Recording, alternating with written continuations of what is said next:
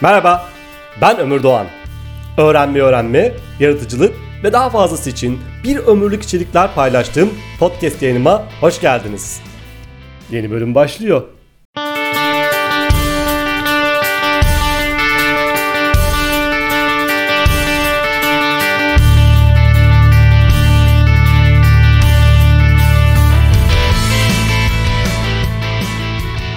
Herkese merhaba. Bir kitap yazmak ne demek? Biraz konuşmak aslında.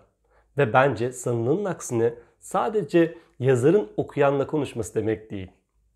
Bir kitap yazmak biraz karşılıklı konuşmak için bir davet demek. Yani her kitap aslında bir tür diyalog. Burada üç tür diyalog var bence.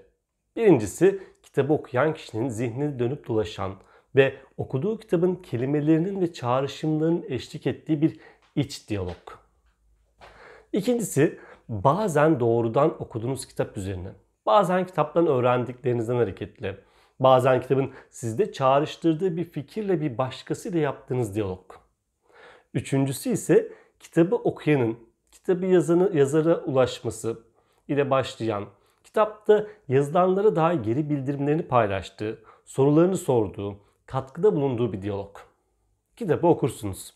Yazarına ulaşmak istersiniz ve yazara bir sosyal medya mesajı, bir WhatsApp iletisi ya da bir mail yollarsınız ve bir diyalog başlar. Ee, benim kitabım e, yayınlanmasının üzerinden daha 3 ay bile geçmeden yüzlerce kişi tarafından okundu ve onlarca geri bildirim aldım.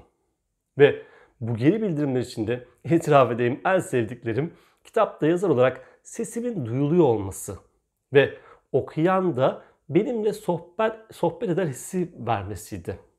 Hatta bir arkadaşım bazı anlarda kendimi ömürle birlikte düşünürken buldum diye yazarak sosyal medyada kitabımı, e, kitabımı paylaştığında, kitabımdan bahsettiğinde yapmak istediğim şeye yaklaşmış olmanın heyecanını derinden yaşadım.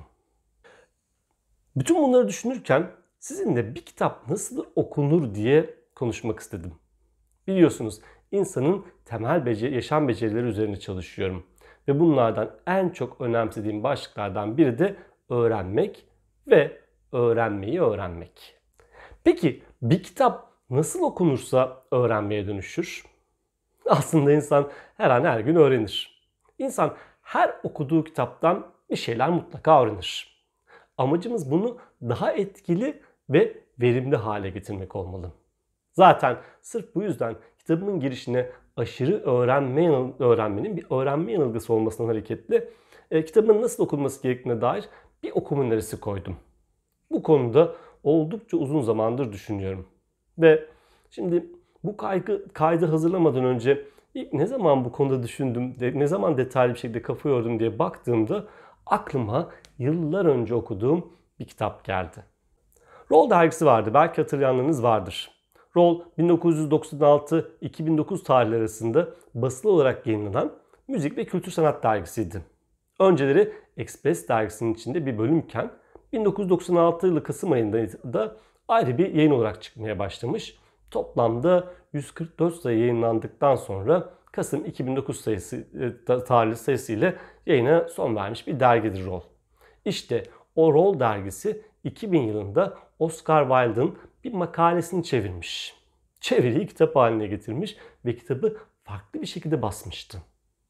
Kitabın her yerinde farklı yazarlardan alıntılar, kenar notları ve okuyanın başka notlar yazması için boşluklar bırakılmıştı. 126 sayfalık incecik bir kitaptı bu ve başlama vuruşu başlıklı bir giriş yazısı beni çok etkilemişti. Bu giriş yazısının sonlarına doğru yazılanları beni doğrudan etkilediği için olduğu gibi aktarmak istiyorum. Şöyle diyordu o satırlarda. Susan Sontag, Roland Barthes'e göre okurların ikiye ayrıldığını söylüyor. Kitapları okurken altını çizenler ve çizmeyenler. Barthes ikinci gruptanmış. Biz ikisinden de değiliz. Bazen çiziyoruz, bazen çizmiyoruz. Sontag, Barthes'in bu tercih üzerine şu yorumu yapıyor. İnsan sevdiği vücudu karalamaz. Bize kalırsa Sontag'ın mecazları kısa devre yapmış. İnsan sevdiği vücudu okşar, öper, emer, hatta dişler. Sevdiği kitabı da öyle okur. altın çizer, kenarına not düşer, işaretler koyar. En azından bazı insanlar bazı kitapları, bazı metinleri böyle okur. Oscar Wilde'ın sosyalizm ve insan ruhu üzerine yazdığı uzun makalede bizim için öyleydi. Öyle olduğu için de böyle oldu. Her sayfasına not düştük. İşaret koyduk. Ama altını çizmedik. Metindeki nitelikler Wilde'ın. Elbette başkaları başka notlar, başka işaretler koyardı. Sol sayfalarda yalan alıntılar nihayetinde yalnızca kitabı yayını hazırlayanları bağlar. Aslında onları bile bağlamaz. Şöyle demek de mümkün pekala. O notları Oscar Wilde dikte ettirdi. Öyle veya böyle. Vaziyet Erkin Koray'ın şarkısındaki gibi. Olan oldu bir defa. Bari hepimize yarasın. Bu satırlara bayılmıştım. O halde bir kitap nasıl okunur? Bir kitap nasıl okunursa verimli bir okuma yapılmış olur sorusuna yukarıdaki satırlar üzerinden birkaç cevap vermek istiyorum. Öncelikle verim dediğiniz şey elde edilen faydanın ya da sonucun harcanan enerji oranıdır. Şimdi kusura bakmayın. Serde fizikçilik var. 6 yıl fizik okuyunca verim tanımında böyle yapmak zorunda hissediyor insan kendini. O halde e, ilk yapmamız gereken şey sonucu yani amacı netleştirmek. Örneğin sadece keyifli zaman geçirmek için okuduğunuz bir kitabın verimi ne kadar çok öğrendiğiniz değil, ne kadar keyifli zaman geçirdiğiniz üzerinden ölçülebilir. Öyle değil mi? İkinci verim ise ne kadar zamanınız olduğu önemli haliyle. Bu zaman belirleyen şey ise amacınız. Örneğin yaratıcı düşünmenin nörobilimsel temelini merak ediyorsanız bu konuda yazılmış bir kitap işinizi görecektir. Oysa yaratıcı düşünme ve inovasyon konusunda daha detaylı bir okuma yapacaksanız okunacak kitap sayısı daha fazla olması beklenir. Ama biz şimdilik seçtiğiniz sadece bir kitap olduğunu ve bu kitabı okurken nasıl daha verimli okuyacağınızla ilgileneceğiz. Hadi başlayalım. Kitap okumaya başlamadan önce mutlaka kitabın ön ve arka kapağını varsa okuma önergesini incelemenizi, kitaba başlamadan önce sayfalarını hızlıca karıştırmayı, bölüm başlıklarını varsa bölüm başlarındaki epigraf denilen alıntılara göz atmayı ve mutlaka içindekiler kısmını okumak için zaman ayırmayı öneriyorum. İçindekiler bölümü benim için kitabın e, bütüne dair fikir veren, okurken bütünü gözetmemi sağlayan, kitaba bütünsel bir bakış atmamı sağlayan bir alan. Hatta kitap okuma sürecinde bazen bir yerde durup acaba bundan ileride detaylı olacak olarak bahsedecek mi? Daha detaylı değinecek mi diye içindekiler bölümüne döndüğümde oluyor. Burası çok önemli. Bir kitap okuyorsanız kitabın bütününü düşünmeniz, okuduğunuz her cümlenin bağlamını anlamanızı kolaylaştıracaktır. Bağlam içinde okunan bilgiler daha kalıcı olur. Hatta bilen bilir. Ben öğrenmenin bir bağlam oluşturmak olduğunu söylerim hep. Bu yüzden en temel kural sürekli olarak bağlam oluşturmaktır. Bağlamı hem kitap içindeki bilgilerle hem daha önceki okuma ve öğrenmelerle hem yaşam ile oluşturduğumuzda öğrenme daha etkili ve kalıcı olacaktır. Örneğin yaratıcı düşünmede Walt Disney tekniğini okuduğunuz ve e, ne olduğunu biliyorsunuz. Eğer bu teknik diyelim ki yürüttüğünüz bir projenin tıkandığı yerde yaratıcı bir çözüm bulmak için aklınıza geliyorsa ve hatta bu tekniği yaratıcı bir çözüm bulmak için kullanıyorsanız bilgiyle bağ kurmuş ardından bağlam oluşturmuş olursunuz. Yani öğrenirsiniz. İşte bu bağlam oluşturma sürecinde en başta söylediğimiz diyalog çok önemli. Yani kitabı okumak yerine onunla ve yazarıyla konuşursanız, öğrendiklerinizi zihninizde konuşturursanız, burada kesinlikle çok verimli bir okuma süreci geçirirsiniz.